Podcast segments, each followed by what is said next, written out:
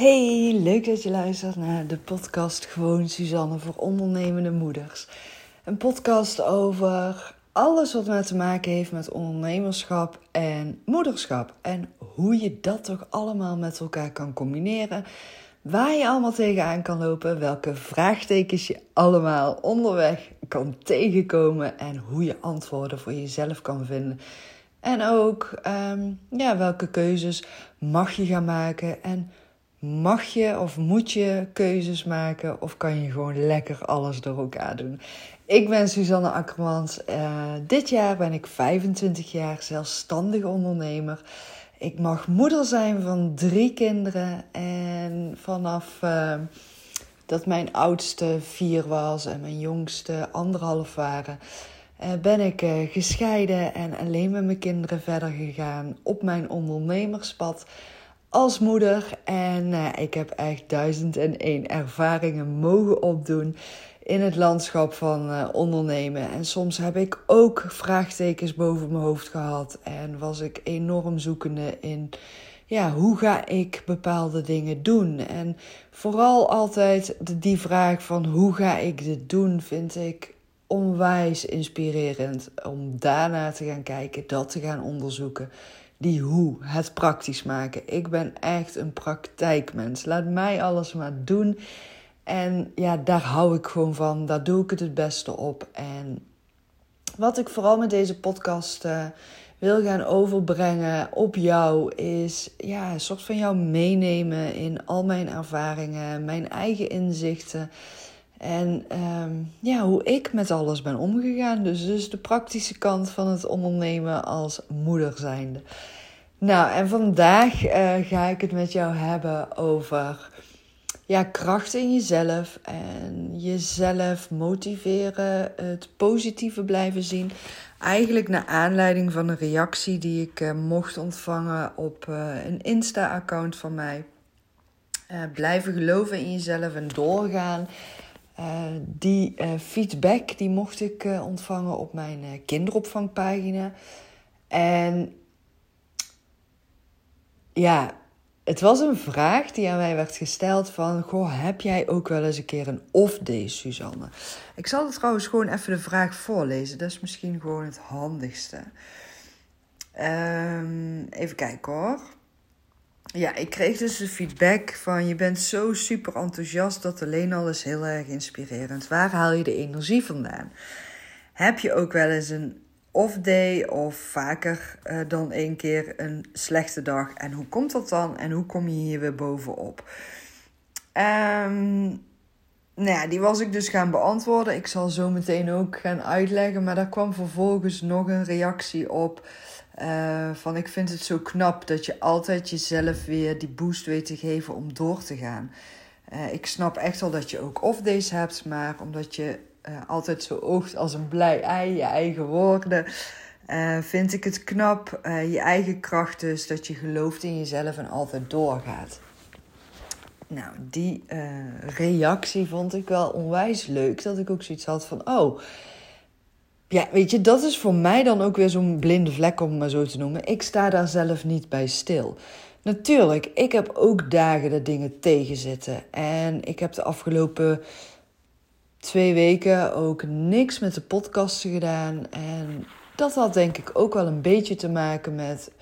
ja, gewoon even minder lekker in mijn vel zitten. Uh, sommige dagen. Ehm... Want ja, waardoor kan het dan dus gebeuren dat ik minder lekker in mijn vel zit? Nou, vooral als ik heel weinig tijd alleen kan doorbrengen. Ik ben echt oprecht iemand die misschien meer dan gemiddeld persoon tijd alleen nodig heeft. Um, alleen in een ruimte zijn geeft mij altijd. Ja, het brengt mij rust, energie, inspiratie. Ik weet gewoon van mezelf. Ik heb het echt structureel het liefste dagelijks nodig om alleen te zijn. En toen mijn kinderen kleiner waren, ja, dan heb je natuurlijk gewoon door de leeftijd van je kinderen heel weinig tijd alleen. Um, ik had toen wel ook echt een kantoor voor mij alleen. Dus daar heb ik sowieso altijd als een van mijn voorwaarden gehad als ondernemer zijnde. Uh, dat ik een ruimte had waar ik alleen kan werken. Ik werk dan het beste, ik werk dan het meest efficiënt, maar ik voel mezelf daar ook het prettigste bij. Voor mij is het dan ook wel heel erg belangrijk dat mijn kantoor een fijne omgeving is. Nou, als je mij al langer volgt op Insta, dan heb je ook gezien dat ik daarin ook echt enorm mee aan het klungelen ben geweest. En het was continu chaos. En ik ging zelf ook allemaal spullen op mijn kantoor neerzetten. Ik creëerde ook zelf die chaos om me heen. Maar ik merk dan wel uiteindelijk, nu is dus bijvoorbeeld eindelijk, na bijna twee jaar of zo, echt mijn kantoor thuis weer echt een fijne thuisplek geworden. En ik merk, ik vind het heel fijn om gewoon alleen in mijn kantoorruimte te zitten. Deur dicht, tijd alleen. Ehm, maar nu zijn mijn kinderen dus ook groter. Dus weet je, ik heb nu inmiddels volwassen kinderen. Die hebben hun eigen levens, hun eigen ritmes, waardoor ik ook vaker tijd alleen thuis heb.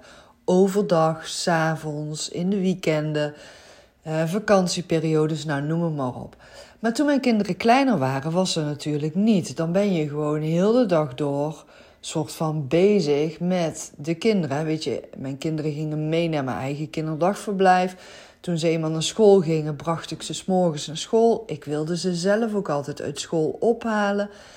Ehm, maar in de tussenliggende tijd had ik wel altijd ergens momenten dat ik alleen op mijn kantoor werkzaam was.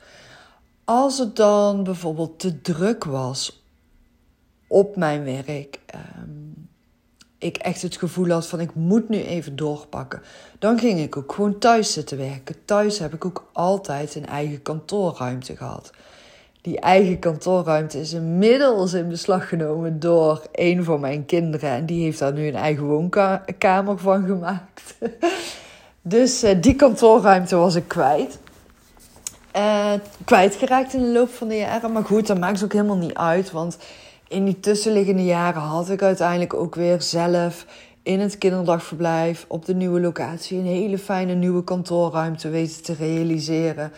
En daar vond ik het gewoon heerlijk om te werken. En ook dan, als het dan soms, weet je, als ik dan soms momenten had van oké, nu moet ik even doorpakken. Um, ook toen had ik altijd al een vaste week waarin ik geen afspraken had. En die week was ook mijn ruimteweek om thuis te gaan werken. Dus ja, dan, dan wisten mijn teamleden ook van... nou, Suzanne is er deze week niet. En dan kon ik gewoon heerlijk in mijn woonkamer in die jaren... thuis gaan zitten werken. De kinderen waren naar school toe. En dan zat ik gewoon heerlijk thuis te werken, alleen. Die tijd alleen is echt mijn... Uh, ja, hoe noem je dat? Echt, dat is voor mij zo belangrijk. Ik heb in de loop van de jaren ontdekt dat ik tijd alleen dus structureel nodig heb. Dat ik dat ook echt als een harde voorwaarde voor mezelf ben gaan hanteren. In mijn agenda gaan inplannen. Tijd alleen. En natuurlijk heb ik dan ook wel eens, net zoals bijvoorbeeld nu, nu heb ik ook gewoon tijd alleen. Ik ben vanmorgen gaan sporten en daarna dacht ik van, oh, zal ik een vriendin bellen om even een kop koffie te gaan drinken? En toen dacht ik, nee. Ik heb te weinig tijd alleen gehad. Nu is het het moment dat ik weer tijd alleen kan nemen. En dan kies ik daar ook heel bewust voor. En ik had gewoon naar die vriendin toe kunnen gaan. En ik weet, koffie drinken met vriendinnen geeft mij ook energie. Daardoor kan ik ook superveel inspiratie en lekker in mijn vel zitten. En weet je wel, dat ik dan denk, oh, dat had ik echt even nodig. Maar als ik te weinig tijd alleen heb gehad, dan weet ik van mezelf, als ik dan kies voor koffie drinken met een vriendin, dan krijg ik daar toch weer soort van last van. Dan kan ik soort van, ja, dat klinkt misschien heel zwaar of zo, maar overprikkeld raken. Dan raak ik sneller geïrriteerd.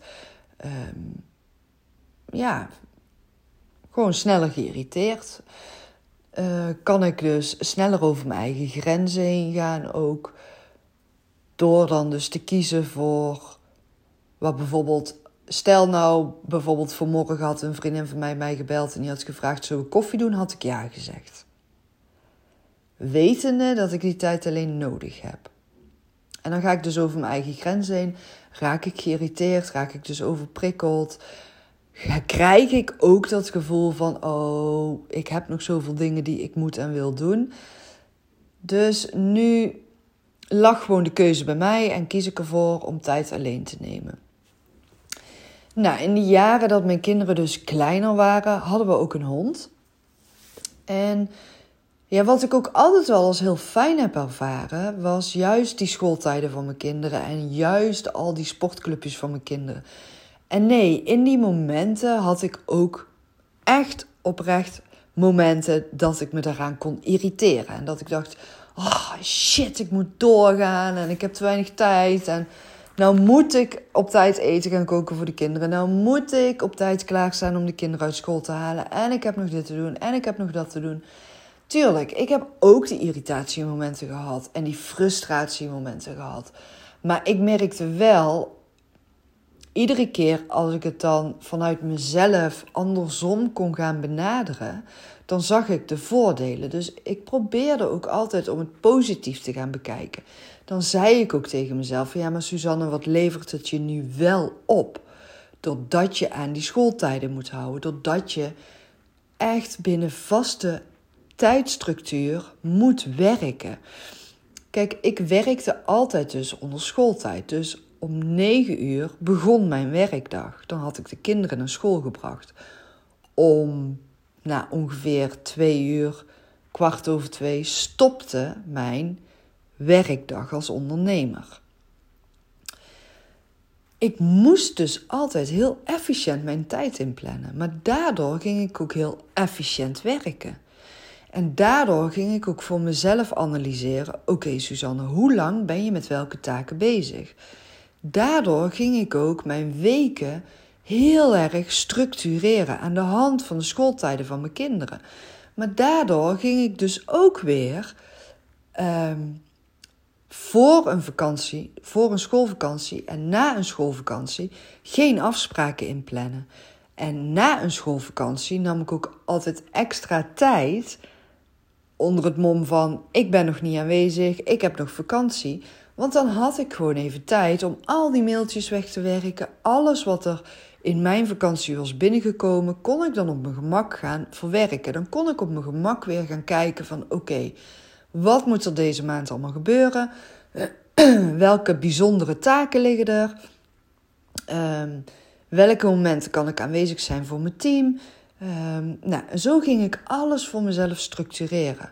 Terwijl ik, en daar heb ik al vaker over gedeeld, ik ben echt iemand die houdt van vrijheid hebben en gewoon lekker kunnen bepalen wanneer ik wat ga doen. Maar ik doe het juist veel beter op die vaste tijdsblokken.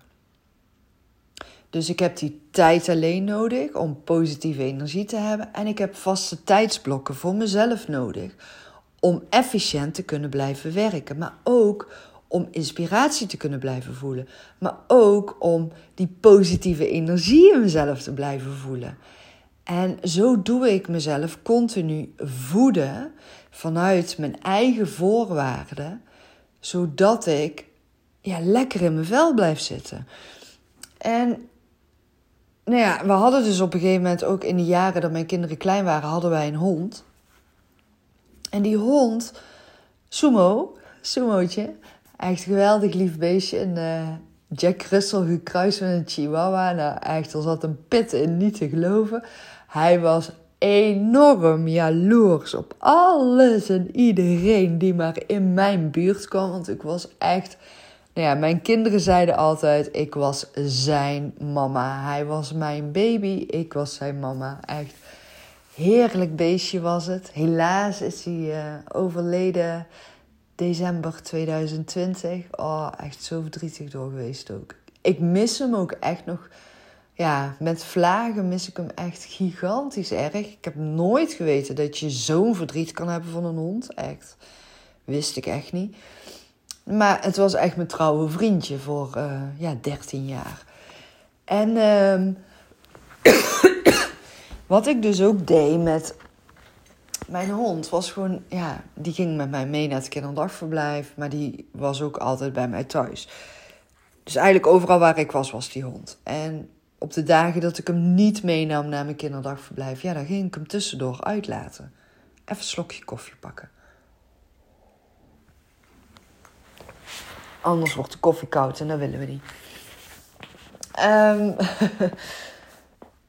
maar ook daarin kon ik soms dat gevoel hebben van... oh, kak, dan moet ik nog uh, sumo gaan uitlaten. Ben ik weer tijd kwijt. Ben ik toch weer gauw een uur kwijt. Want ik ging heel vaak gewoon even 20 minuten, een half uurtje met hem lopen. Nou ja, dan op en neer naar het kinderdagverblijf.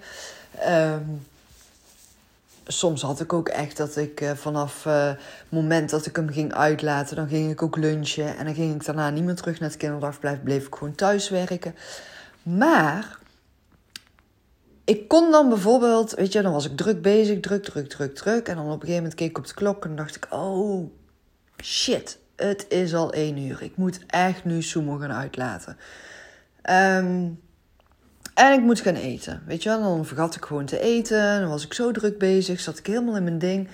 Nou, dus dan ging ik gauw naar huis en dan had ik soort van balen, balen, balen, balen. Dat ik moest stoppen, want ik moest die hond gaan uitlaten. Weet je zo negatief denken dan. Maar dan kwam ik thuis. Nou, en dat is dus leuk aan honden. Die zijn altijd blij om jou te zien, hè? Echt, ik weet niet of jij een hond hebt, maar honden zijn altijd blij om jou te zien. Dan kwam ik thuis en dan kwam hij dus helemaal blij en enthousiast en slaperig uit zijn... had zo'n huisje, een roze huisje. En het was een mannetje, dus was ook echt lachwekkend. Maar goed, hij had een roze huisje waar dan zijn mandje was. Nou, echt. Ja, eigenlijk zou het moeten zien, maar goed. En uh, dan kwam hij daar helemaal zo slaperig uitgewandeld, helemaal blij, kwispelend naar me toe. En dan werd ik ook zelf meteen blij. Dan zei ik ook van, nou, kom, we gaan, weet je wel. Ik praat ook gewoon tegen mijn hond. Nou, mensen die geen hond hebben, die snappen dat vaak niet. Maar goed, ik was dan zelf, werd ik ook automatisch helemaal blij door mijn hondje. Dus dan gingen we wandelen. En zodra we dan aan het wandelen waren, dan had ik ook echt wel eens dagen dat ik me irriteerde. En dat ik dacht, kom op Sumo, loop nou eens door. Maar altijd die dagen dat ik mezelf irriteerde en te veel in mijn hoofd zat van ik moet nog dit en ik moet nog dat doen. Er waren altijd dagen dat hij super traag ging lopen. Dat voelen ze ook gewoon aan, geloof ik echt. Maar de dagen waarop ik dan dacht, dit is fijn, even in de buitenlucht, even bewegen. Ik heb het ook gewoon nodig voor mijn rug om te blijven bewegen. En ik merkte gewoon dat als ik daar dan ook weer het positieve van inzag, dus dan ging ik gewoon, ja, soort van mezelf vragen stellen of zo tijdens het wandelen. Of dan realiseerde ik me ineens van, hé, hey, ik vind ineens nou een antwoord waar ik al heel de ochtend naar aan het zoeken was. Gewoon doordat ik nou met Sumo aan het wandelen ben. En ja, dan, dan werd ik mezelf daarvan bewust van hé, hey, het bewegen, het buiten zijn samen met Sumo brengt mij weer inzichten, geeft me weer die positieve energie, zit ik weer lekker in mijn vel, uh, beweeg ik weer soepeler, heb ik weer minder pijn in mijn rug. Dus dan begon ik die positieve dingen te zien daaraan. En ik moet ook heel eerlijk bekennen, toen Sumo is overleden, had ik heel veel moeite om um, voor mezelf dat, dat uh, bewegingsritme. Drie keer per dag die wandelingen. Ik miste dat enorm. En ik vond het in het begin heel vreemd en raar om zonder sumo te gaan wandelen. Daar zat bij mij echt een soort van. Ja, ik weet niet, blokkade op of zo. Dat ik dacht, nou, dit is echt heel raar. Maar ik merkte wel, toen ik dus minder ging wandelen en niet ging wandelen omdat Sumo was overleden, voelde ik mezelf ook minder positief. Kon ik gewoon wat dramatischer en negatiever gaan nadenken over alles en was ik minder vrolijk, blij, irriteerde ik me meer aan alles en iedereen om me heen. Dus toen dacht ik, hé, hey, maar wat deed ik eerst altijd? Eerst ging ik drie keer per dag wandelen, dus ben ik dat wandelen weer gaan oppakken. En ik merk gewoon echt aan mezelf wat ik allemaal nodig heb om lekker in mijn vel te blijven zitten. Maar ook om met tegenslagen dus om te gaan. Als er dingen tegenzitten, natuurlijk, weet je, ik heb duizend en één dingen die tegenzitten in mijn leven. Ik heb gewoon een afgebroken rug, twee ruggenwervels. De onderste twee ruggenwervels zijn gewoon kapot in mijn rug. Ik heb daardoor iedere dag gigantisch veel pijn. maar ik weet dus ook dat ik dat het voor mij, voor mijn rug, heel belangrijk is om te blijven bewegen, om op mijn voeding te blijven letten, om op mijn gewicht dus te blijven letten. Dat is voor mijn rug heel belangrijk. En dat wandelen en sporten, dat doet ook echt iets met mijn mindset. Daardoor zit ik lekker in mijn vel. Daardoor benader ik alles op een positieve manier. En ja, ik heb er ook in de jaren geleerd dat, mijn vader ernstig ziek was. Die is ja, ruim negen, bijna tien jaar ziek geweest. Daar heb ik ook al vaker over gedeeld. Maar ja, dan ga je echt wel anders tegen het leven aankijken. Kijk, mijn vader die leefde echt oprecht, die woonde in het ziekenhuis of in een verpleeghuis. En dan was hij tussendoor misschien ooit eens een keer drie weken maximaal op zijn hoogst in zijn eigen woning. Maar verder leefde hij in een ziekenhuis. Nou, ik weet niet of je zelf ooit in een ziekenhuis hebt gelegen. Of dagelijks jaren achter elkaar in een ziekenhuis op bezoek bent geweest bij een dierbare. Maar ik kan je vertellen, daar word je echt niet vrolijk van, hè? Dat is echt niet fijn. Dan heb jij geen tijd alleen. Dan heb je continu mensen om je heen. Plus, je bent ziek. Je bent afhankelijk geworden van andere mensen. Nou, echt die jaren met mijn vader in het ziekenhuis. Ik denk dat die de allergrootste veranderingen in mij als persoon teweeg hebben gebracht. Daardoor leer je wel waarderen wat je wel hebt. Daardoor leer je te kijken naar alles wat er wel is, wat wel goed gaat. Daardoor ga je ook geen waarde meer hechten aan ja, materiële zaken. Daardoor ga je echt op een andere manier kijken naar het leven. Daardoor ga je echt kijken naar: oké, maar wat kan er nog wel? Ik weet nog dat mijn vader weer zo ziek was geweest dat hij. Um, nou ja, weet je, dan lag je aan infusen, want dan had hij dus allerlei belangrijke mineralen en weet ik het allemaal tekort. Um, of dan lag hij weer op de intensive care aan de beademing. Uh, allerlei machines om hem heen. Of op de hartbewaking. En allerlei toeters en bellen. En dan zag ik hem daar liggen. En weet je, dan was het iedere keer weer bang zijn. Bang, echt bang en verdrietig zijn. Machteloos voelen. Hoe kan ik hem helpen? Zou die hier nog uitkomen? Ik kan nog niet zonder hem. Ik krijg gewoon tranen in mijn ogen nu, omdat ik eraan terugdenk ook. Maar ja, dat was gewoon echt zo intens zwaar om je eigen vader zo ziek te zien en jezelf zo machteloos te voelen. En ja, weet je, wat ik toen in die jaren heel moeilijk vond, was de eenzaamheid. Ehm, want je bent dan dus. Kijk, ons pap en ik hadden alleen elkaar. En ik had mijn kinderen en dat was het. En ik moest er zijn voor mijn kinderen. Ons pap wilde er zijn voor mij, want ik was zijn kind. Maar hij kon er niet voor mij zijn, dus hij had mij nodig.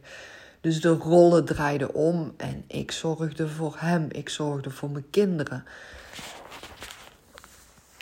En in die jaren ben ik mezelf gaan aanleren om alles op te schrijven.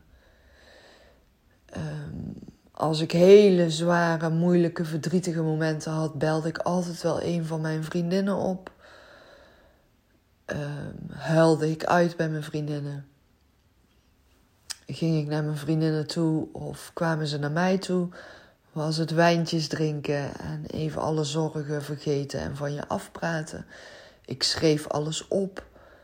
En ik begon echt te leren om grenzen te stellen. En die grenzen stellen, ja, daarin heb ik me heel vaak onbegrepen gevoeld. Um, nou, je hoort waarschijnlijk aan mijn stem dat dit me allemaal best wel raakt ook.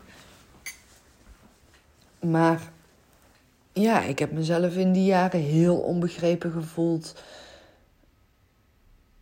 Um, omdat heel vaak ook mijn omgeving, ook goede vriendinnen tegen mij zeiden van... Ja, maar Suus, je moet niet alleen maar thuis gaan zitten. Je moet eruit gaan.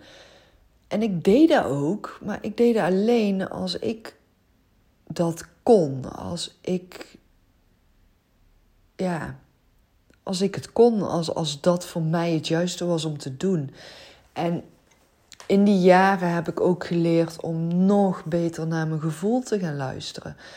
En ja, naar mijn gevoel luisteren, grenzen stellen, bewegen, alles opschrijven voor mezelf. Uh, ja, gewoon zelfreflectie toepassen. Dus mezelf allemaal vragen stellen. En dan niet mezelf de vraag stellen waarom gebeurt dit, maar mezelf de vraag stellen wat brengt mij deze ervaring? Wat kan ik leren van deze ervaring? En dat is een hele andere vraagstelling, waardoor je uiteindelijk ook weer verder komt voor jezelf. En dat is echt gewoon alles bij elkaar mijn manier geworden om ja, om te gaan met uh, tegenslagen. Om um, ja, leren omgaan met tegenslagen, blijven geloven, vertrouwen in jezelf. Uh, blijven geloven en vertrouwen op mijn eigen gevoel. Want mijn gevoel klopt gewoon altijd. En dat, dat roep ik al jaren. En in die jaren dat mijn vader zo ziek was, is het zo gigantisch vaak bevestigd.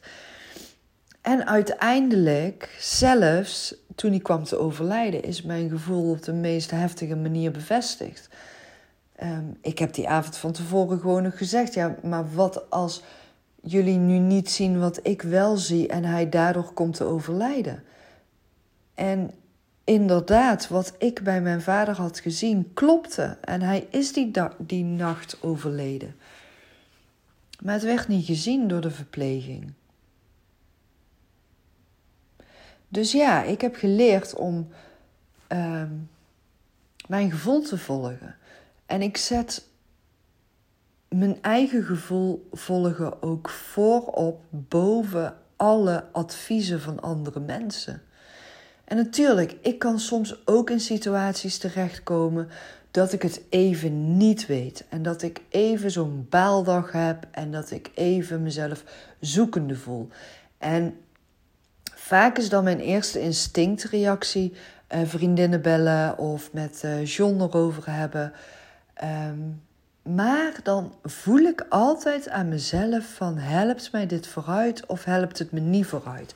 En dan merk ik dan aan mezelf als ik een gevoel van irritatie in mezelf krijg of niet meer weet wat ik moet zeggen of een soort van teleurgesteld gevoel krijg, dan weet ik gewoon oké Suzanne, nu moet je tijd voor jezelf gaan nemen, gaan bewegen, je grenzen stellen, gaan schrijven en dan weet jij wat jij moet gaan doen.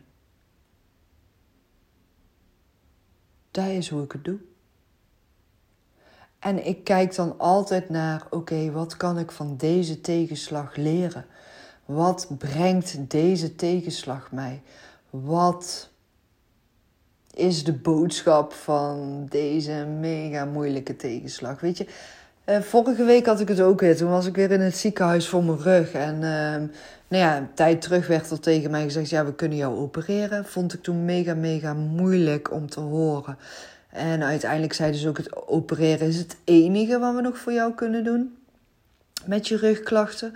Maar ja, daar zitten dus heel veel nadelen aan verbonden. Uh, dat vond ik echt onwijs moeilijk om uh, ja, te gaan accepteren. En uiteindelijk heb ik daar voor mezelf de afgelopen maanden ja, duizend en één vragen over gesteld. En ben ik het gaan onderzoeken voor mezelf. En toen had ik uiteindelijk ook zoiets van: nou ja, weet je, Suzanne, alle tegenslagen in je leven hebben jou uiteindelijk nog verder vooruitgebracht. En daardoor ben je de persoon geworden die je nu bent. Dus als deze operatie mij kan helpen in mijn pijnklachten, dan is de consequentie dat ik daardoor dan dus fysiek meerdere maanden niks kan. Maar het brengt me op de lange termijn ook weer vooruitgang fysiek. Dus ik was soort van gaan accepteren van oké, nou die operatie moet er gaan komen. Dan ga ik dus bepalen wanneer die operatie gaat komen. Dus ik had vorige week een gesprek met een chirurg over de operatie voor mijn rug. Nou, die chirurg vond ik echt niet leuk. Ik dacht echt serieus, dit ga je niet menen. Ik heb zelfs hardop tegen die chirurg gezegd: Oké, dus alles is gewoon kut en ik moet het maar uitzoeken.